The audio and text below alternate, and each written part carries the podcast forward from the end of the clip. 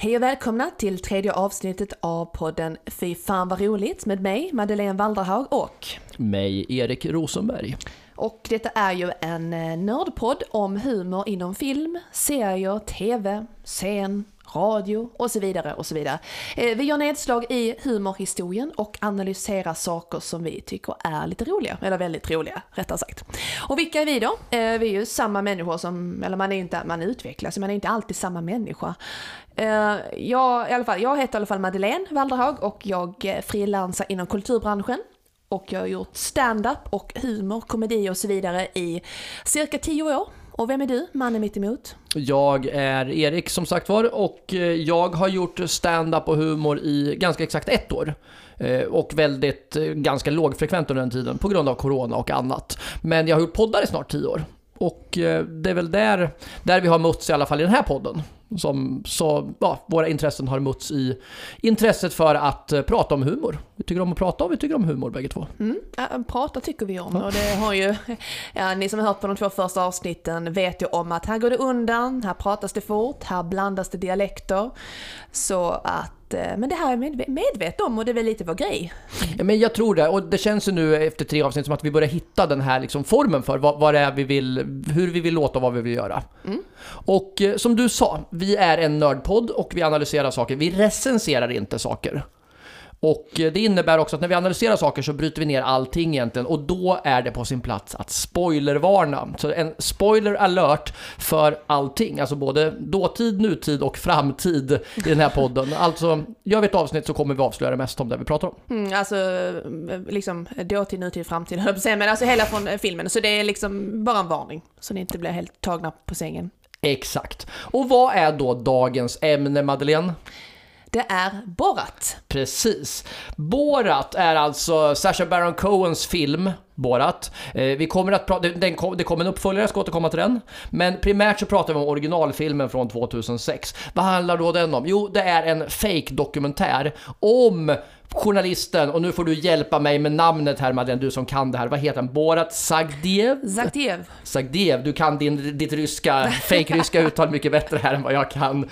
Eh, som är en kazakisk eh, tv-journalist som ska åka till USA för att göra en, en dokumentär om, om USA. USNA. Precis, the man säger. most glorious country in the world. Eh, world. och eh, under tiden som han är där så händer det, alltså galna saker vore ett understatement att säga. Det händer en jävla massa grejer. Och vart började det här då? Jo men alltså, Sasha Baron Cohen, som, som du kommer att prata mer om senare, är ju en, en brittisk skådis som, som då gjorde Allergy. Och i The e, Allergy Show, en av filmerna från 2002, så fanns den här karaktären Borat, Borat Sagdiev med där. Och sen kom den här filmen som vi nu ska prata om idag, 2006. Så där så uppkom det från början då. Och eh, karaktären har väl han plockat från lite olika grejer. Det fanns någon, någon ryss som han har träffat och lite så här här och där. Och plockat ihop då Borat med vad jag vet. Men ja, det är grunden i alla fall. Och det roliga här alltså, titeln då, alltså Borat, filmen heter egentligen Borat, Cultural Learnings of America for Making Benefit Glorious Nation of Kazakstan. Där är vi. Och Madeleine, vad är det egentligen då som, om vi ska prata om, vad kännetecknar Borat? Och börja vilken ände du vill egentligen. Ja, men jag börjar lite så vad det enklaste är liksom utseendemässigt då. Det är ju självklart mustaschen, lite sådär gammaldags eh, illasittande kostym. Nätunderkläder som man får se ibland, mankinin såklart. Och så lite sådär stolpig gång, att han, han, han går lite märkligt. Och alltså jag personligen när jag har sett om filmen, det är att jag får lite tankar till att han påminner lite om, det är inte alla som håller med det här, och du, inte du heller Erik, men eh, han påminner lite om Basil Fawlty, alltså John Cleese i Fawlty Towers. Så vad tycker du? Gör han det? Alltså jag ser, jag ser vad du menar. Jag, jag förstår liknelsen. Jag har inte tänkt på det förrän du sa det. Men när, när du säger det så är det liksom, vad man brukar säga, det är svårt att ose det. Ja, men var precis. så. Ja. ja, men lång, mörk mustaschen, lite sådär. Sen är det väl kanske inte en massa annat egentligen, alltså om man jämför serierna. Men i alla fall. Eh, sen är det självklart hans, eh, hans brytning eller hans, eh, hans accent, kan man väl säga, accent som jag ska komma till sen. Ehm, och eh, han har ju lite sådär, lite uttryck som man liksom har, eh, alltså sen man såg filmen och senare liksom in real life att man liksom har sagt de här alltså, uttrycken då och då liksom. Make sexy time, USA, the greatest country in the world. Uh, great success, Manema Borat. Jag tänkte säga, jag vill ha det där, när du säger make sexy time, så vill jag ha det på Borat-dialekten här.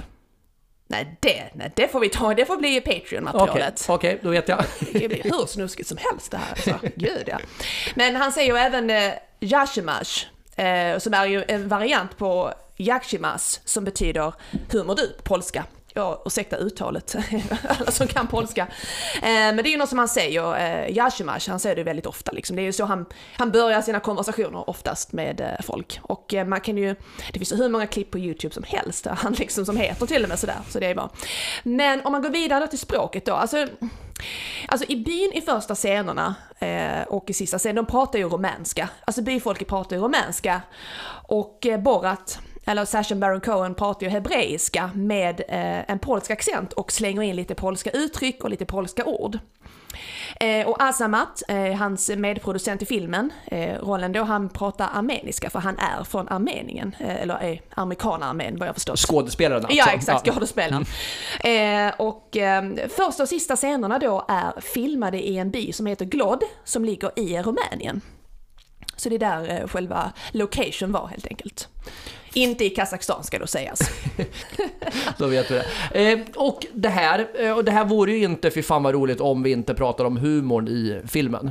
Och Humor i filmen är ju nummer ett. Så, alltså, jag, jag börjar så här. Eh, och inte så mycket humor, men det är ju en, mock, en så kallad mockumentär. Alltså en fake dokumentär Andra klassiska fake dokumentärer är till exempel musikdokumentären The Ruttles om, om Beatles, som stora delar av Monty Python-gänget var inblandade i. Vi har This is Spinal Tap, hårdrocksdokumentären. Och vi har KSB 58, den svenska, om, om där man då påstår att VM, 1905, fotbolls-VM 1958 aldrig ägde rum. Det är ju klassiska, alltså kända andra mockumentärer. Det här är då en mockumentär för att den är filmad som om det vore en Alltså en, en dokumentärfilm helt enkelt. Men humor i hela ligger ju på i chockeffekten, det måste vi säga, framför något annat. Ja men absolut, alltså, alltså det, vad ska man säga så här, alltså han, om man, var var ska man börja? Eh, han skämtar ju liksom om utseende rätt grovt på exempel kvinnor och eh, han har ju alltså grovt antisemitiska skämt, det kan man väl, eh, det är väl milt sagt om man säger så. Även om grova skämt om homosexuella, muslimer, romer, funktionsnedsatta och så vidare och så vidare. Och så tänker man ibland, Vågar man skratta åt det här? Vågar man skratta åt detta? Var går gränsen? Och är man hemsk om man skrattar? Och tänker man liksom, vad ska man, okej, så länge man inte håller med åsikterna så kan man väl skratta. För det är väl, det är ju otroligt fruktansvärda åsikter som avslöjas av, eh, av Borat i de här, alltså i filmen. Så är det ju. Alltså, Ja. vi, vi ska väl säga om, om eh, Sacha Baron Cohen att han är ju av judisk härkomst själv. Mm. Och alltså, mycket av skämten ligger ju i, som du säger så här, alltså, att det är alltså, han avslöjar ju fruktansvärda åsikter hos andra. Och, och de här antisemitis- eh, antisemitiska åsikterna eh, kommer ju, alltså, som, som kommer fram. Jag tänker ju att liksom, allting är upplagt för att han ska avslöja liksom, så här, att, att folk har de här åsikterna. Och att det liksom blir så, det blir så barockt. Man skrattar ju åt att, att det är så otroligt over the top allting. Alltså när, när han lägger fram det här som till exempel, vi ska komma in på det senare, men juderusningen till exempel. Så här, det är så orimligt antisemitiskt så att det blir roligt. Det är ju det som liksom, man, man twistar till det så många varv. Och då kommer man på sig själv, ja jag skrattar åt det här men det är ju inte, det är en orimlig åsikt egentligen att ha. Att, alltså, om man tyckte så så skulle det inte vara roligt, det är så jag tänker. Ja men, ja men precis min poäng det här att det är liksom så länge man inte sitter och tänker ja men det är sant, så är det, okej då han har rätt. Så länge, eller de har rätt åsikter i filmen. Så länge liksom, då tycker jag liksom man kan ju skratta åt det, men det är inte någonting som man borde ta med sig med vidare ut i livet som en åsikt. Eh, det är ju min åsikt, att man inte ska ta de åsikterna. nu blir det väldigt snurrigt där. Men, eh, men poängen liksom att, jo man får ju skratta, men man får ju tänka lite på också ibland vad man skrattar åt. Men det är lite så här att när man ser alltså just de här mest grova och eh, alltså grova åsikter i min, i min åsikt så så blir det lite så här man bara nej men gud, åh, alltså man blir liksom nej men snälla, wow, hur, alltså det är lite det han är ute efter, det är min reaktion så här att, ja men herregud, hur, alltså kan människor ha de här åsikterna liksom år 2005, 2006 då det inspelar 2005 gissar jag på då. Och eh, ja, Och, ja, och det kan ju tyvärr folk. Alltså det är det som är så helt, helt sjukt. Att, att Borat säger en sak, så säger han någonting om, om homosexuella till, till en amerikansk person. Och vi vet ju att, att Sa- Sacha Baron Cohen inte har de åsikterna. Men han säger någonting. Och den här amerikanen bara sp- spinner vidare och säger så här, och drar något ännu grövre. Och verkligen står för det. Och då blir det liksom så här, man skrattar, alltså, man skrattar ju åt Borat. Men när amerikanen kommer och kontrar med någonting, så skrattar man ju inte. Nej, man kan säga att han når ju sitt mål, Sacha Baron Cohen, att han verkligen avslöjar, han verkligen lurar fram alla de där trollen.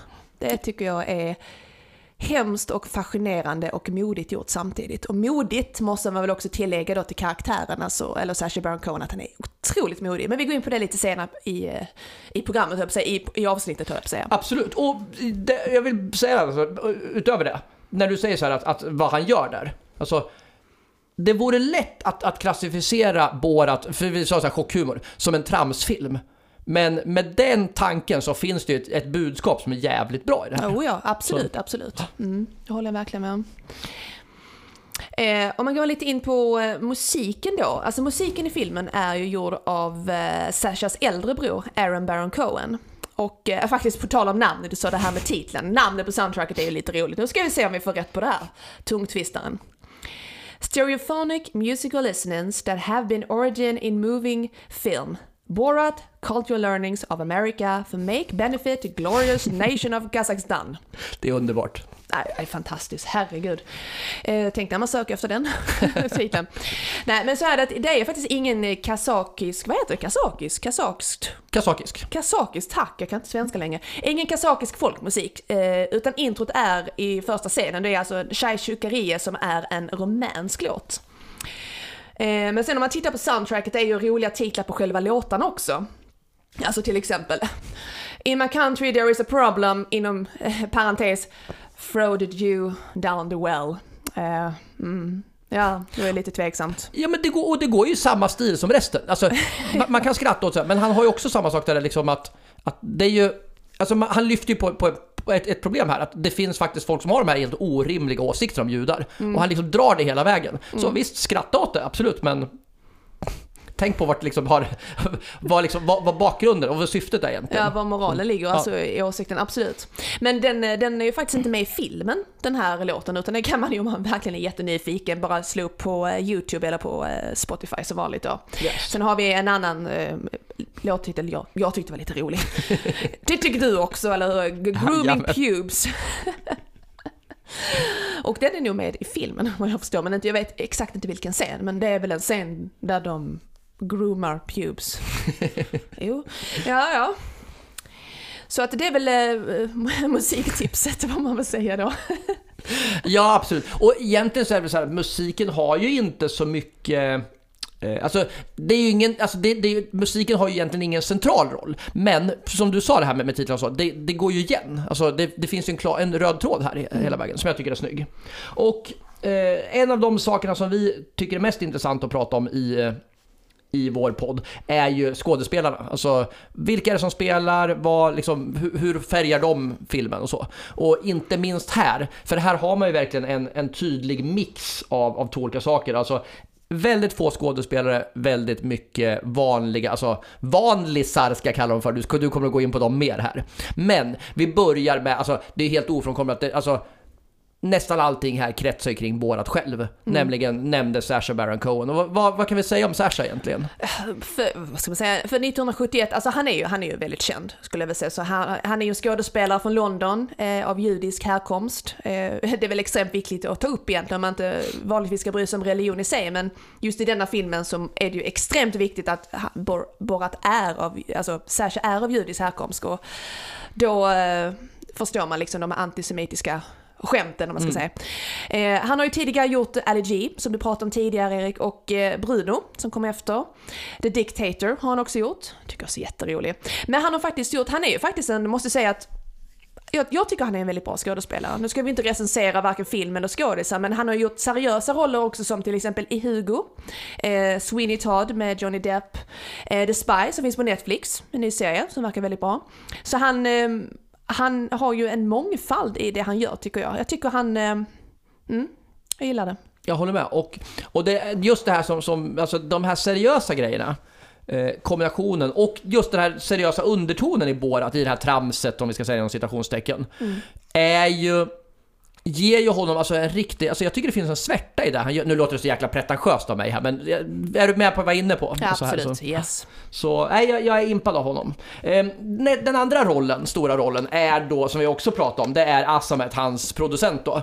Asamet eh, Bagatov, som spelas av eh, Kenneth Le- Levitian, tror jag uttalas. Eh, som du nämnde, armenisk härkomst. Kenneth är ju en skådespelare som, som jag har förstått, nu ska jag säga så att jag har fuskläst på lite här, det är ingenting som jag plockar ur, ur bakhuvudet sådär. Läst på att han är ju en rutinerad skådis. Jag har bara främst sett honom i en annan riktigt stor roll, eh, för jag har inte sett, det var du som berättade, du kan din Steve Carell, Get Smart. Eh, men, men det jag har sett honom i framförallt nyligen är att han spelar hyresvärden i en av mina moderna favoritserier, Cobra Kai, alltså spin-offen till, eh, till Karate Kid. Okej. Eh, Som är en liten liknande roll som, som As, äh, Asamat. Där han också spelar då en, en, eh, en hyresvärd som hyr ut doj, karate-dojon. Och är lite, alltså också en humorkaraktär. Så, så det är det han gör egentligen. Det är inte så mycket mer att säga, men, men han gör ju en jäkligt bra roll. Alltså han är ju otroligt bra som parhäst till, till Borat i... Ja men det är ett fint par. alltså, ja. Det är ett fint par. Ja men, ja, men de är ett fint... Alltså, så här, det finns en... Också samma ska vi lite... Alltså i de här seriösa grejerna. Jag tycker att de får en fin vänskap i det hela. Ja men det tycker jag också. Det, är liksom, vi kommer tillbaka till en väldigt speciell scen jag vill prata om sen. Eh, det kommer vi till senare så att säga. Eh, om vi går vidare, eh, Larry Charles, det här är intressant. Eh, Larry Charles har ju regisserat det här och han har ju även regisserat Sashas andra filmer och eh, han har ju, alltså då Bor, eh, Bruno och The Dictator. Men han har ju faktiskt även medverkat och gjort Seinfeld, Mad About You, Curb Your Enthusiasm, Entourage, New Girl, The Arsenio Hall Show. Alltså den här Larry Charles har ju varit med på massor av humorgrejer. Riktiga kultgrejer. Imponerande. Absolut. Och eh, en av de sista då, eller den, den sista, alltså riktiga skådespelaren här, är Luell som är eh, komiker precis som, eh, som Sasha. Och eh, hon får då spela en prostituerad som han drar runt på. Och det som är lite speciellt här då är ju att hon är ju, precis som, som Borat då och, och Asabat, en av få som inte är den hon utger sig för att vara i filmen. Utan man tar in då en, en, en komiker som får spela prostituerad istället för att liksom ha en riktig prostituerad. Men det intressanta är att i de scenerna hon medverkar i så är det faktiskt bara filmteamet och eh, de, alltså Asamat och, eh, alltså i skådespelarmässigt så är det faktiskt bara Asamat och Borat, eller Sasha Baron Cohen då, som vet om att hon är skådespelare. De andra tror, alltså när hon medverkar så tror folk att det är en prostituerad som han drar runt med. Ja, men- Det är viktigt att säga. Ja men exakt, och det liksom tar oss till, till nästa eh, ämne, alltså de övriga, alltså resten av folket som är med, alltså det, det är som du sa att vissa vet ju om detta. En av de som spelar sig själva i filmen är ju såklart Pamela Anderson. Och hon behöver ingen närmare presentation egentligen sådär, men hon, hon är ju uppenbarligen med på eh, det här givetvis.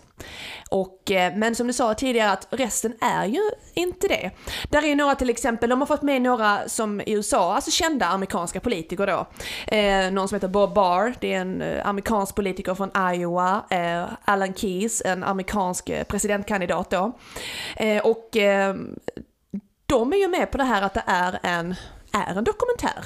De vet ju inte om liksom att det är, de är ju inga skådisar. Nej. Utan de är ju sig själva helt enkelt. De- De får reda på att det ska, det ska komma en kazak och, och, och prata med dem helt enkelt med, och sen kommer ett tv-team med egentligen. Ja, det, Mm. Det är inget konstigheter, förutom när han öppnar munnen och man hör vad fasen det är som händer liksom. Eh, sen en annan sak som jag tyckte var jätteroligt och lite gulligt, det är lite så här crazy credit som vi säger ibland. Och det är att eh, de har ju, alltså Borat skaffar ju sig en björn som är med som, han får ju inte, ni som sett filmen vet ju, han får ju inte ut en, eh, köpman köpa en vapen för han är inte amerikansk medborgare. Utan istället skaffar han sig björn och eh, de är faktiskt med på rolllistan och har egna IMDB-sidor. Och björnarna spelas, eller björnen spelas av två björnar som heter Chester och Shirley heter de tydligen. Så man kan alltså gå in på typ. jag tycker det är jättegulligt. Faktiskt. Lite sött. Det var, alltså jag tycker att det, det är bra prestation av björnarna. Vad tycker du? Absolut, jag håller med. Vi, vi kan tyvärr dock, hur mycket vi än nördar loss, så kan vi inte berätta vem, vilka scener som Chester gör och vilka scener som Charlie gör i filmen. Nej, ni får gärna, om, ni- om någon är jättenördig och har massor av tid över så hör av er. Jag, är så, jag är så helt såld på djur så att absolut. Berätta hur man kan skilja på Chester och Charlie. Eh, kan vi säga någonting mer om Pamela-scenen? Alltså finns det någonting där som vi kan avslöja? Ehm, jo, ja, men det är väl så här i sista scenen när han kommer till autografskrivningen och eh, han ska gifta sig med henne. Tycker han i alla fall. Hon Tycker inte, han, ja. Hon har ju inte sagt ja, och han har ju inte frågat. Eh, get married Kazakh style, eller vad han säger. Eh, och eh, de, den enda personen som är medveten om, liksom, i den här scenen, vad som ska hända, det är ju faktiskt Borat, filmteamet och Pamela. Mm. Så det är ingen av vakterna, det är ingen av poliserna som kommer sen, det är ingen av eh, de andra som står i kö för att få autograf av Pamela. Ingen annan. Och det, det här måste ju varit en otrolig upplevelse. Alltså hade något sånt där hänt typ i Sverige, eller liksom, det var ju ett helt... Ja, alltså i USA så känns det också så liksom så här. alltså, lite min fördom är så här, det händer att folk skjuter först och frågar sen. Alltså, Nej. det är lite, nej, men jag tänker lite så här, hur, hur, hur ställer man, alltså, hur vågar man? Mm. Det är ändå jävligt modigt att liksom, även om hon är med på det, så vad han gör då, nu, när, när vi ändå har spoilervarnat, är att han ska liksom försöka stoppa ner, det låter jättekonstigt, han försöker stoppa ner henne i en säck. Men han, han alltså, Men det är en fin säck. Inte Ja, för det saken att göra, men det är en väldigt fin Den säck. är han har liksom fin. skrivit in namnen, datumet och sånt. Och det är fint. Men eh, ja, det var en side-note. han försöker mer eller mindre typ alltså, han överfaller ju henne helt med, med våld. Ja, oh ja. Det är Och, ju... ja, och blir ju sen då nerbrottad med ganska hårt våld också av, av säkerhetsvakterna skulle sägas. Mm. Ja, men väldigt roligt så. ja, och när vi ändå är inne på det här, vi måste ju alltså prata rätt mycket om, om scenerna här alltså. Ja, men ja. Erik, Erik alltså. Det, nu, nu är det så här, nu måste vi prata om det jag flaggade lite för innan. Vi måste prata om den här scenen. Vi måste prata om att det finns en scen med två nakna, håriga män som wrestlar. Det låter ju mycket, mycket mer charmigt när du tar upp det. Eh, Det är ju inte sådär jättecharmigt, men ni som har... Ja, den här scenen, vad kan man säga om den egentligen? Den är naken, den är brutal, den är inte sexig alls, den är censurerad. En annan sak som är intressant med den scenen, det är att när de har censurerat eh, Sashas kuk. kuk. Jag sa det först. Okej, okej, du vann. Grattis. Så, ja, okej, man säger så här då. Ehm, Jag tror att den där, eh, den där censureringen är längre än vad verkligheten är. Jag tror det ligger lite humor i det att är, är Sashas kuk så lång? han, Alltså jag frågar inte dig för jag vet inte om du vet. jag, har jag ingen, jag, hittat. jag har ingen aning, men han... han Jag kommer inte googla det här. Han tänker själv att han vill adressera någon sorts storkukslugn i sig själv här. Eh, Ja, det är ju inte ja, lillkukslandet vi pratar Nej. i alla fall. det är inte. Och vi, och vi ska fortsätta, nu har vi sagt kuk tillräckligt många gånger här för att vi ska klara, alltså jag tänker att vi ska undvika den här explicit eh, stämpeln på avsnittet. Ja, just det. Ja. Men eh, när du säger så här, den här scenen, så återigen det här som vi var inne på, du vet med att man ska tänka efter i i det här med, med antisemitismen. Så vill jag ändå tänka så här, jag tror att Sacha Baron Cohen säger hur långt kan man dra eh, skämtet om nakna män och få folk att, alltså, att utmana sin egen känsla för jag är inte homofob och jag har inget problem med, vet, med, med manlig nakenhet och så. Jag tror att det, någonstans där vill han sätta fingret på någonting. För vad det handlar om är ju egentligen, om vi ska dra det kort, då, det är att, att Borat och Asamat blir osams. Och börjar bråka. Och det blir en väldigt, väldigt närgången brottningsscen. De är faktiskt de är helt nakna. Men som du sa, det finns en censurering då av könsorgan. Men det är ju väldigt närgånget. Jo men det är det och de hamnar ju i, eh, vad ska man säga, sexuella ställningar. Och som du, som du sa, det utmanar ju verkligen synen på att är detta okej? Om vi bara tar det så här, lite side-note. Om det hade varit två kvinnor som hade gjort det, oavsett hur de ser ut utseendemässigt, hade det varit liksom då känns det lite som att bara oj, ja men det här var okej att titta på. Eller vad tror du? Nej, alltså grejen är så här, jag tänker ju att, att det ena är så här, hur, hur mycket... Jag har svårt att säga att någon ska bli liksom på riktigt så här sexuellt upphetsad av scenen. Ja, ja, det tror jag. Men, men lite är också frågan så här, när folk säger så här, alltså... Jag tror vad han vill ha fram, det är att folk ska känna så här, wow, yikes. Men sen tänker jag så här, Vadå yikes? Ja, alltså är du med på vad jag menar? Egentligen, vad, vad det handlar om är ju två liksom na- nakna människor. Folk ser ut sådär. Och det är liksom, lite av grejen är så att, att Asamat är ju väldigt överviktig och de är håriga och så. Och liksom, Men jag tänkte på det också, att det, har, det han utmanar liksom det här med normen, hade det varit två vältränade män som inte var så håriga kanske, hade det liksom, då hade det plötsligt varit oj, många kvinnor som bara mm, vad snygg, mm, så här. Alltså det är ju lite att han, han går ju loss på det där vad vi anser är vackert och icke vackert och det hade ju inte varit humor och komiskt om det hade varit två, så att säga, eh, socialt accepterade snygga människor. Det hade ju inte varit roligt, vad är det för roligt att se det? Nej precis, då hade det bara... Då, han- visst, han hade fortfarande kunnat fått med det här liksom med att, med att utmaningen så här, är det okej att tycka att det är äckligt att två vuxna män är nakna? Men nu blir det lite lyteskomik över det hela. Han får ju med liksom en, alltså, flera dimensioner i det. Så absolut. Så, och jag har, fan, jag, alltså, jag har inget svar på det här. Jag bara tycker att det är intressant hur man reagerar. Ja, men det, alltså det här är ju bara någon form av eh, hobbyanalys, det är ju inget, liksom, det är inget svar så, utan jag tycker bara det är en intressant tanke att eh, leka med helt enkelt. Och annan sak, det, det jag nästan tycker är bäst då, det är ju inte nakenheten jag gillar mest i scenen faktiskt, utan det är ju liksom att när de springer ut och hamnar på det här eventet som de har på det här hotellet, när de kommer upp på scenen och man tänker hur alla andra reagerar. Hade det hänt på någon julfest eller vad som helst som vi hade haft, alltså jag hade aldrig återhämtat mig, jag hade skrattat sönder mig själv. här är det snarare folk bara, what the fuck? Alltså det, det är liksom, jag vet inte. Det är, jag menar hade det hänt, jag menar det hade ju piggat upp vilket event som helst. Det hade varit jätteroligt. Du försökte till och med antyda att jag skulle dra det här till, till julfesten på mitt jobb. Ja men varför inte? Vi måste ha något kul Jag alltså. tänkte behålla jobbet ett tag till. Jaha, okej då. Ja, då Ja. Får jag gå vidare till nästa, nästa scen jag vill prata om? Absolut. Vi har ju en jätterolig, och också återigen, eh, det kommer vi komma till varje gång, så här, varför skrattar man? Men bilhandlarscenen. När han ska köpa bil. Det första är ju frågan då, när han kommer in och han ska köpa en Hummer, så här, I want a car with a pussy magnet, säger han. Och diskussionen där, bilhandlaren försöker förklara att pussy magnet är ingen fysisk grej, utan det är bara ett talesätt. Och, och där kommer också frågan så här, hur, hur fort måste man köra för att köra ihjäl en, en romsk familj? Och det är också så här, det är, en- alltså, det är ett helt orimligt skämt. Alltså, man skrattar åt det när han säger det. Jag säger så här, skrattar jag åt att han har ett skämt om att köra ihjäl en, alltså, det, alltså Alltså, så- jag, jag är lite tyst för det är så hemskt att jag inte vet vilken, Ja, men- var jag ska stå Ja, någonstans. Ja, Men, men han har ju lagt upp det som ett skämt i, i filmen. Ja. Och det är också så här, men varför skrattar man här egentligen? För att det är så orimligt. Det är så sjukt, det är Ja. så chock. Där har vi det igen, chockhumorn. Att det är så sjukt att om man liksom, ing, alltså, så här, alltså ingen liksom sinnesfulla burk skulle säga någonting sånt seriöst. Då har man väl något problem som Ja. man får lösa. Alltså, och, och det, seriöst. det är ju liksom så skrivet så, så, så att han, man, han, man skrattar åt att han framstår som så jäkla sjuk, alltså Borat. Men sen nästa grej så står den här amerikanska bilförsäljaren, som är en amerikansk bilförsäljare, och helt lugnt svarar på frågan utan att ifråga, alltså att ingen i den här filmen någon gång säger va, ursäkta vad fan sa du just? Ingen gång! Utan någon gång säger de så här, alltså vi säger inte så i USA. Det är det, liksom, det, det är det värsta de kan säga som markering. Men ingen säger, men vad i helvete säger du människa? Och han säger till och med så här eh, när han förklarar liksom “When I buy my wife” och bilhandlaren står ju helt besten, han ser lite deadpan bara mm, Ja, det är helt, helt normalt. Man bara, och liksom han drar det vidare, liksom han verkligen överdriver, verkligen over the top humor och förklarar vidare liksom så att det egentligen var en man, då är ju liksom poängen. Ingen, ingen, han ser lite besvärad ut när han berättar att, uh, nej vi ska sluta prata om könsorgan just nu tror jag. Men, eh, men eh, liksom när han, när han går in på det ämnet, då ser han lite fundersam ut att, hmm, okej. Men i- som du sa, ingen annan uh, bara reaktion, alltså som är liksom av, att det här är avvikande. Nej, det är, det, är så, det är så jäkla konstigt. Det finns ju, men det finns ju några personer, nu låter det som att vi tycker att alla i den här filmen är praktsvin. Och så är det inte. Det finns ju några människor som är väldigt, väldigt likeable. En som jag vill ta fram är ju körskolläraren. Åh, Mike. Man älskar honom. Åh, fantastisk. Ja.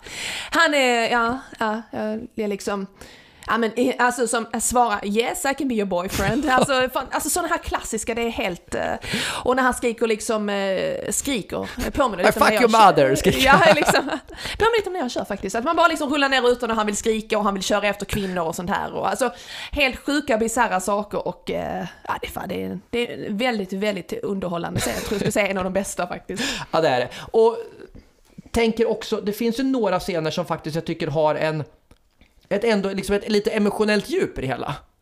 Det ena är ju när han hittar Asamat igen efter att de har blivit osams. För det här scenen vi pratade om när de bråkar då, så skiljs de ju åt. Asamat lämnar ju honom. Så hittar de ju varandra i Hollywood igen. Och då finns det ju en, så här, en återföreningsscen som jag tycker ändå är rätt gripande. Där de faktiskt visar att de är ju polare ändå. Alltså gamla vänner. Och det andra är ju, kan inte du berätta om det här, när han ska, när han ska lämna av eh, du vet inte vilka jag tänker, äh, jag drar den själv då. När han ska lämna av Luann, den prostituerade Ja, ja, som- tänker pratar- på slutet där ja. Ja, skådespelerskan då. Men det ska jag föreställa dig. Han lämnar av Luann vid hennes hus och hon säger så här, ska du följa med in? Och då tänker man så här, här kan jag göra liksom någon sorts prostitutionsskämt. Och, och Borat då säger så här, nej, jag är, jag är kär i en, en kvinna i Malibu. Han menar då Pamela Anderson. Men det är också lite gulligt så här, alltså, det finns ju en, också en koppling så här, vänskapen med, alltså Luann och, och Borat bygger inte på liksom torsk prostituerad. Utan det bygger på liksom att, ja men han gillar ju henne på riktigt. Det är liksom en vänskap mellan dem. Som jag tycker är fin. Ja men det är lite det som är, alltså mot slutet av filmen, bara tog upp det för att i slutet på filmen, så nu kommer ju spoilern, att han gifter sig med henne och tar med henne tillbaka till Kazakstan slash Rumänien då. Och eh, liksom de lever där tillsammans. Och jag tycker det är så himla fint att Eh, från att hon gick, kom till det där sällskapet, det där fina sällskapet, som vi kan gå vidare på den scenen också, så blir det med att det är liksom, han gör ett uppvaknande att, som han säger själv, han vill inte jaga plastbröst. Eller vad översättningen var. Så blir det att han väljer henne. Som... Eh, Skönheten fanns precis framför ögonen på honom. Exakt. Otroligt fint. Så var det. Eh, Och det är ju det är roligt för att filmen börjar ju också lite alltså, med att han säger så här, alltså han pratar snacka skit om sin fru Oksana. Åh, den frun, ja gisses! Det är fan en roll som jag, alltså där, där kan jag relatera höll jag på att säga, men gud vilken, vilken kvinna alltså. Hon står med yxan i handen riktigt bastant och vrålar till honom att om han åker till USA otrogen så hu- hugger hon könsorganet av honom. Jag tror inte vi kan säga det ordet flera gånger. Och jag känner att, go girl, alltså jag känner bara att det, det, så är det. Det är så det ligger till. Absolut. Och det finns ju också roligt, det ska vi säga så här, Oksana dör ju. Och det är också en helt sjuk scen då, när han då får, han får ett telegram. Det kommer upp en man, en hotellanställd tror jag det är, och får läsa upp telegrammet om att, om att, alltså, om att hans fru är död. Och så säger han så här, Säger du till mig att min fru har dött? Säger han till den här hotellanställda. Ja, jag är, jag är rädd för det sir, säger den här hotellanställda. High five, säger båda. Och den hotellanställda high-fivar honom. Utan att ifrågasätta det. Nej, det är också bisarrt så att säga. Ja, det ja, mycket under. Du nämnde, du drog, en, liten, en liten cliffhanger här. Eh, det fina sällskapet, när han kommer och ska öva sig på att vara med på en bjudning. Där är det liksom allt från att han misstar att eh, retirement och retired och eh, man känner att stämningen blir något tryckt där han an- antyder att en i sällskapet skulle vara eh, funktionsnedsatt. Retarded. Retarded, retired. Och, eh, men jag tror att min favorit från det där, det är ju min humor då, men det är liksom när han går på toaletten och kommer tillbaka ner och frågar var han ska lägga sitt bajs någonstans. Och det bästa i detta här är kontrasten att innan, eh, han kommer alltså ner för trappan, ner tillbaka till sällskapet, tar upp en påse med sitt skit i och, och frågar liksom var ska jag lägga det här? Och innan dess så är en av kvinnorna som har sagt att ja det är en hel del kulturella skillnader men jag tycker att han, han sköter sig bra, han kommer integrera sig väl och exakt då, pang bom in, var ska jag lägga mitt bajs? Ja, det här är något som... Och hennes reaktion fantastiska. Att hon går tillbaka in på toaletten och visar att så här torkar man sig i USA. Jag tror ganska... generellt. Ja. Men alltså det, det är så bisarrt att det är fantastiskt roligt tycker jag. Ja, jag, jag håller med. Det är fint. Det är fint. Och det och som också är roligt, alltså, han skriver in så otroligt många alltså, roliga, alltså, det är så mycket repliker, som att du måste nästan hänga med i dialogen på alla, alltså alla sjuka saker Borat säger som folk bara köper. Så är... Eh, eh, så man, man liksom missar det. Nu, den här, eh, han säger... Han säger någonstans då, säger han så här, när han ska berätta om, om sig själv och sin, och sin fru. Så säger han så här, I am son to bla bla bla, I, I am Borat Sajev, son, son och bla bla bla, en Bolt och Rapist säger han. Och sen så här, jag är gift med bla bla bla, son och bla bla bla, eh, daughter och bla bla bla, en Bolt och Rapist. så, så visar att de har, de har samma pappa, han och frun. Jag får tänka efter det släktträdet, absolut. Så det är, sådana där saker är ju, och, man, och folk bara säger, ja ja. Vi köper det. Så, Dels liksom att han presenterade då sin pappa som Bolt och Rapist. Och, ja, jag behöver inte gå in på skämtet mer, mer i detalj. Så. En annan sak också som eh, jag tycker att eh, de tar in och bor hos ett fint eh, äldre judiskt par. Jättegulliga, jättefint. Och eh, jag tycker att vi pratade om antisemitismen innan och man ser liksom en helt obetalbar minne, det är ju liksom när eh, Borat då får reda på att ja men eh, de är judar. Och då ser man direkt hans ansiktsuttryck. Och ibland tänker jag så här att är detta plockat från verkligheten? Jag tänker så här att har han själv kanske eh, liksom då, liksom, ja men jag är jude och då kanske fått den reaktionen och så gör han ju narr av, eller han drar upp det för det är så sjukt bisarrt egentligen att man ändrar liksom nästan, han liksom får panik. Och i den scenen så är det ju liksom att de vill ju väl, men Asamat och Bora tror ju liksom att det är, ja, det är ju helt, helt orimlig reaktion egentligen, men att, eh, ja, till exempel det finns ju helt att, det är ju lite så här att eh, de tror liksom att Alltså de tar form av kackerlackor och försöker ge pengar till kackerlackorna och det är bara de himla komiska i mina ögon att de slänger pengar till djur, jag vet inte, det är lite komiskt. Eh, eller när de ligger liksom i mörkret med ett kors och liksom, eller krucifix och liksom så här och är rädda. Det är lite Blair Witch Project-känsla, att det är liksom en ficklampa, det är mörkt, det är väldigt så skrämmande känsla liksom. Och herregud, kom igen, de är ett hus med några judar. Men jag tror att det är väldigt symboliskt för eh, antisemitismen, att det är liksom så det, det, är, det är ju så helt enkelt, det är så brutalt. Ja men så är det. Och det, är också, det finns ju den här scenen i början, juderusningen. Som man kan skratta hur mycket man vill åt. Men det är också så här alltså, det, det är en tradition i byn. Den här som, som den rumänska slash kazakiska byn då. Där då folket, man har gjort en parodi på det här med bullre, alltså med tjurrusningar. Fast istället här springer de före och så kommer det två personer utklädda till med kar, e-, extrema kar- nidbilder av jud, judar. Ett judiskt par. Och eh, där de så säger oj nej han fick nästan tag i pengarna. Och kvinnan stannar och värper ett ljudägg som de ska slå sönder innan det kläcks. Och det är också så här, det kan man ju skriva, men det, är- alltså, det är vidriga åsikter. Men det som jag tänker på, det finns ju alltså det har ju funnits en tradition i världen och i synnerhet i Europa där det är helt okej att faktiskt dra vilka alltså horribla historier som helst om judar och andra folkslag också genom historien. Och det är det här som han återspeglar. Att det, liksom, att det faktiskt har, det har sett ut så här i världen. Sen har ju han dragit en komisk twist på det hela. Att liksom så här, men vi gör, vi gör liksom en rolig grej av det. Men han hade också bara kunnat valt att säga så här att man bara satt upp nidbilder. Där man målar ut jud, judar med krokiga näsor och liksom eh, giriga och så. För att så, så har det sett ut historiskt sett. Så, ja. Så det, och det är ju det som är, är liksom den scenen också. Vi, vi pratade lite om det här med att nästan allting är, alltså grunden i Borat är ju att nästan allting är på riktigt. Men vi har ju, du och jag har ju tittat igenom lite, det finns en del saker som faktiskt är, som är fejkat. Och det oftast, jag har förstått, när man pratar om Borat så är det, det kanske mest klassiska frågan så här, hur mycket är på riktigt? Och den frågan tänkte jag att vi ska gräva oss ner i. För vi har faktiskt i stort sett en heltäckande bild av vad som är på riktigt. Så att lyssnar ni nu noga så kommer ni veta exakt vad som är på riktigt. Och jag har ju börjat prata om, jag tar den här första punkten, då, det var ju Mello ändå som vi pratade om. Nej, det, han drar inte runt på en prostituerad. Eh, hon är också, men hon är också tillsammans med Assamat och, eh, och Borat egentligen nästan de enda skådespelarna här. Mm. Och sen eh, det ju, finns det ju en scen i en antikaffär där han åker för att köpa en present till Pamela för han ska ge. Och eh, när han går in där så är det ju liksom så här att, alltså man får ju ångest direkt. Han går in, där är massa prydnadssaker och så vidare och så vidare och allting, alltså man kan säga så här att han välter allt, han förstör allt. Och eh, man får ångest när man ser det där. Men grejen är det att så tänker man så att jaha, eh, betalar de verkligen liksom eh, 180 dollar och lite eh, könshår och gick därifrån? Nej, det, det gjorde de inte. Alltså även om de tyckte att det var fullt rimligt att ge det. Det kanske funkar, jag vet inte, kanske, om, man, om det alltså sönder någonstans, någonting någonstans så ska jag nog inte erbjuda det. Men saken är det att de åker tillbaka senare och betalar liksom och ersätter, alltså rent alltså ekonomiskt, allting de har förstört. Sakerna kan man liksom inte glimma ihop säkerligen, men de får ju tillbaka pengarna som de kräver. Det- De gör ju rätt för sig, det är det som är poängen. Men det var alltså, om jag liksom frågar dig nu här. Det är alltså att de vet inte om alltså, att, de, att det skulle rivas i förväg. Det är inte så att de har gått in och sagt nu tänker vi riva er affär. Nej, det, nej. Det är ju ändå Nej, coolt det att man bara går in eh, och, och kör liksom så här. Tänk, tänk dig försnacket då. När de liksom från början bara tänker att, eh, att de ska... Alltså så här, nu går vi in och river skiten ur det här. Är du med? Mm. Ja, jag tänker att eh, det är också en, en ganska mo, en eh, modig sak att göra, att gå in och verkligen helt omoraliskt bara välta allting och förstöra allting för en filmscen. Men eh, Alltså det blir ju komiskt och återigen den här känslan man bara, shit, alltså man, man, jag vågar i alla fall inte titta men eh, som sagt man kan, man kan pusta ut dem, har kompenserat ekonomiskt för allting absolut. Även om frun i sällskapet inte såg så himla glad ut men det blir ju bra på film så att säga.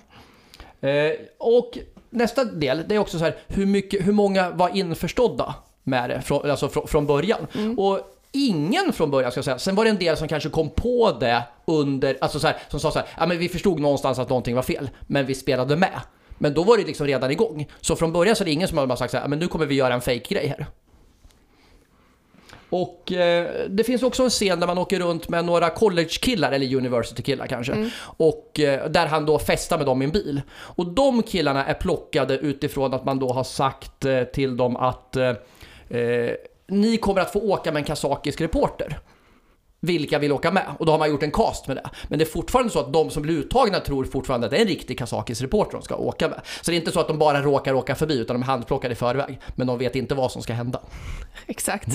Eh, sen annan som jag tycker är intressant är att, som vi sa tidigare, allt i hemlandet så att säga är ju fake. Eh, och det är som jag sa tidigare att det filmades ju i en romansk rumänsk by då. Och det som var intressant på detta är att de som filmades i detta är ju som vi sa tidigare att de trodde att det var en riktig dokumentär om deras by Glod i Rumänien. Och att det skulle, det skulle ju handla om dem, det är ju deras. Men så hittar vi så här att det finns alltså klipp på YouTube Eh, där de visade deras reaktioner när de får se Borat-filmen. De åker till Glad, de ser filmen på TV och där ser man liksom byfolkets reaktion. De bara, vi har blivit lurade. Alltså Borat alltså lurat en hel by att föreställa. Han bara, Kazakstan, fuck Kazakstan. Det är så, det är ju, alltså man kan säga så här, de, man kan säga så här, eh, de är ju rätt arga. Och eh, man kan ju säga typ att filmteamet blir utkastade ur byn så att säga. Det är polisen tillkallas, det ballar ur. Jag kan säga att det är ett intressant klipp att se. Man kan ju skratta åt att själva reaktionen är bara va? Vad händer? Vi har blivit lurade. Sen börjar jag tänka på den moraliska aspekten att hur schysst är det egentligen? Eh, det, jag vet inte, jag hade inte tyckt det var jätte... Alltså, men de, de blev ju äh, helt otroligt arga. Äh, det kan jag rekommendera det YouTube-klippet. Ni kan fråga efter, ni får fråga eh, om ni vill ha länk till det. Men det var intressant att se kan man säga. Och Borat var ju inte direkt populär där kan man säga. Efter nej, det. nej, jag tycker att det är väl en av de sakerna som, alltså, som jag kanske tycker lämnar den jobbigaste eftersmaken i den här filmen. Alltså, den, det som du pratade om, den här moraliska aspekten av liksom så här, är det verkligen okej att inte informera dem om det här? Alltså man faktiskt gör narr av dem. För Ja, de, ja, exakt. Och filmen ska ju visa liksom över hela världen. Eh, och det visste ju inte de om. Det är... Nej, jag ehm, är lite tveksam till sättet. De hade ju kanske inte gått med på det annars egentligen och det är liksom... Sen, och att de får uttala sig efteråt att ja men de lurar in min pappa i detta och min farbror i detta och de sa någonting om detta och eh, man ser liksom att de, vissa kanske tyckte det var lite roligt och sånt med lite fame och sådär men andra är, alltså de äldre generationen är ju inte glada helt enkelt. nej, ehm, och på tal om det förresten, eh, man, ska säga, man kan ju säga så här att eh, det var ju en del polisiära ärenden i filmen. Vi har hittat att polisen tillkallades eh, 91 gånger. inte i Rumänien, alltså ska, inte, inte i Rumänien, men lite syftningsfel. Men i, under hela inspelningsgången helt enkelt. 91 gånger fick polisen rycka ut. och det är också, och det är återigen det här med så här, skjuta först och fråga sen. Att våga ställa sig och göra alla de här sakerna. Det är ju rätt abnorma. Mm, faktiskt. Eh, och en annan intressant sak är att det finns ju en scen där Borat sjunger, eh, han ska sjunga den amerikanska nationalsången men han byter ut texten till eh, om Kazakstan istället och han är på den här rodeo-grejen. Eh, och den scenen är ju intressant att se där han gör också den här saken att en märklig rad extrema, bisarra uttalanden och publiken bara mm, så är det, så är det. Han pratar liksom om Irakkriget, Bush och så vidare och så vidare och alla bara mm, så är det, ja så är det och det är ju helt, helt galet. Eh, men den här nationalsången, så kallat, eh, nu gör jag sån här kaninöron ingen ser, men så här eh, parodinationalsången. Eh, år 2012 så spelades den upp under skyttetävlingen i Kuwait av misstag. Eh, och istället för den riktiga nationalsången så spelade de Borats version. Efter liksom en, eh, alltså de har liksom, en skytt har vunnit tävlingen. Och ja, det var ju inte det jättepopulärt utan det var ju en del uttalanden från eh, Kazakstans utrikesdepartement kan man väl säga. Men det var jätteroligt. Tänk en parodilåt på Sveriges nationalsång. Alltså jag tycker sånt är jätteroligt. Jag tycker man kan skoja om sånt. Alla kanske inte lika eh, tycker det är kul men jag hade tyckt det var jätteroligt. Men jag tycker det är kul och det är också lite sådär att det blir någon sorts, alltså, vad ska man säga, verkligheten överträffar ibland dikten. Mm. Vi har ju pratat jättemycket nu Madeleine om, om Borat-filmen och, och det finns ju en uppföljare. Nu har vi valt att inte fokusera på den. Men, men det finns en uppföljare som, och det vore ju inte Borat om man inte slänger in världens sjukaste titel då. Den heter då eh, Borat subsequent movie film, Deliver of prodig pro prodigious bribe to American regime for make benefit once glorious nation of Kazakstan. Jag tror jag fick med Jag är inte hundra på att det blev rätt hela Förlåt, vägen. Victor Borg skrattar sönder mig här bort. Ja. Herregud. Ja den, Mm. eh, ja, den har vi som sagt inte sett än. Men eh, den är ju säkert lika... Jag har ju hört att den ska vara väldigt eh, galen såklart också. Vad skulle det annars... Det skulle annars är det ju inte Borat som du sa. Men det är säkert någon av er lyssnare som har sett den. Så ni får ju jättegärna eh, kommentera vad ni tyckte om den eh, i sociala medier och så vidare till oss. Det har varit intressant att höra era åsikter om den. Så är det. Och även om, om Borat, alltså vanliga Borat-filmen Åh, också. Ja, Ja. absolut, absolut. Och när vi ändå är inne på det, eh, på ämnet sociala medier Madeleine. Du som är eh, den här poddens sociala medier-expert och marknadsansvarige. Och Var, diktator. och diktator, the dictator. Mm. Var hittar man oss? Ja, vi är jätteglada om ni hittar oss på sociala medier. Vi har Insta, där vi heter Fy fan vad roligt. Vi har Facebook, där vi heter Fy fan vad roligt. Vi har Twitter, där vi inte heter Fy fan vad roligt, utan våra riktiga namn. Vi har också Clubhouse. Eh, Clubhouse har vi pitchat i eh, förra avsnittet. Men vi kan säga igen att Clubhouse är Aftonbladet chatt eh, fast nutid och man pratar. Det är som ett Teams-möte fast icke-tråkigt. Man går in i rum och man pratar med varandra och har trevligt. Och där brukar vi ha efterdiskussioner om eh, avsnitten eller om humor allmänt eller för att prata med er för vi tycker det är jätteroligt att prata som ni hör. Både med varandra och med världen. Vi älskar att prata, prata, prata. Skillnaden är att vi låter er också prata. För vi vill höra er. Så är det. Och vi har invites över, men man måste ha eh, iPhone. iPhone, exaktamente. Och hur gör man om man vill ha en, en invite, Madeleine? Då tycker man gör så här, att man DMar eh, vårt Insta eller Facebook-konto. Alltså ni kan skriva privat också men det är inte säkert vi tittar. Men skriv jättegärna till våra, eh, vad ska man säga, poddkonto kan man säga då. Eh, vi behöver eh, mobilnummer, adress, eh, hur långa ni var när ni föddes, eh, ögonfärg, hårfärg, nej det där låter otroligt hemskt. Lexbase, Kronofogden. Skatteverket. Jag kommer ta om ni har företag, F-skattebevis, det vanliga, det vanliga. Jag kommer köra Mr. Call, birthday.se och så vidare och så vidare. Så var beredda att lämna ut allt om er själva. Eller så skickar ni bara mobilnummer. Okej då. vi nöjer oss med det också. Men jag kommer googla. Och med det sagt Madeleine, så är det dags att runda av tror jag. Ja, absolut. Tack snälla eh, om ni har lyckats lyssna så här långt på oss. Jättetacksamma att eh, både nya lyssnare och återkommande lyssnare otroligt tacksamma för den kärlek ni har gett, både på sociala medier och IRL. Eh, vad ska man säga? Ta hand om er. Hej. Hej.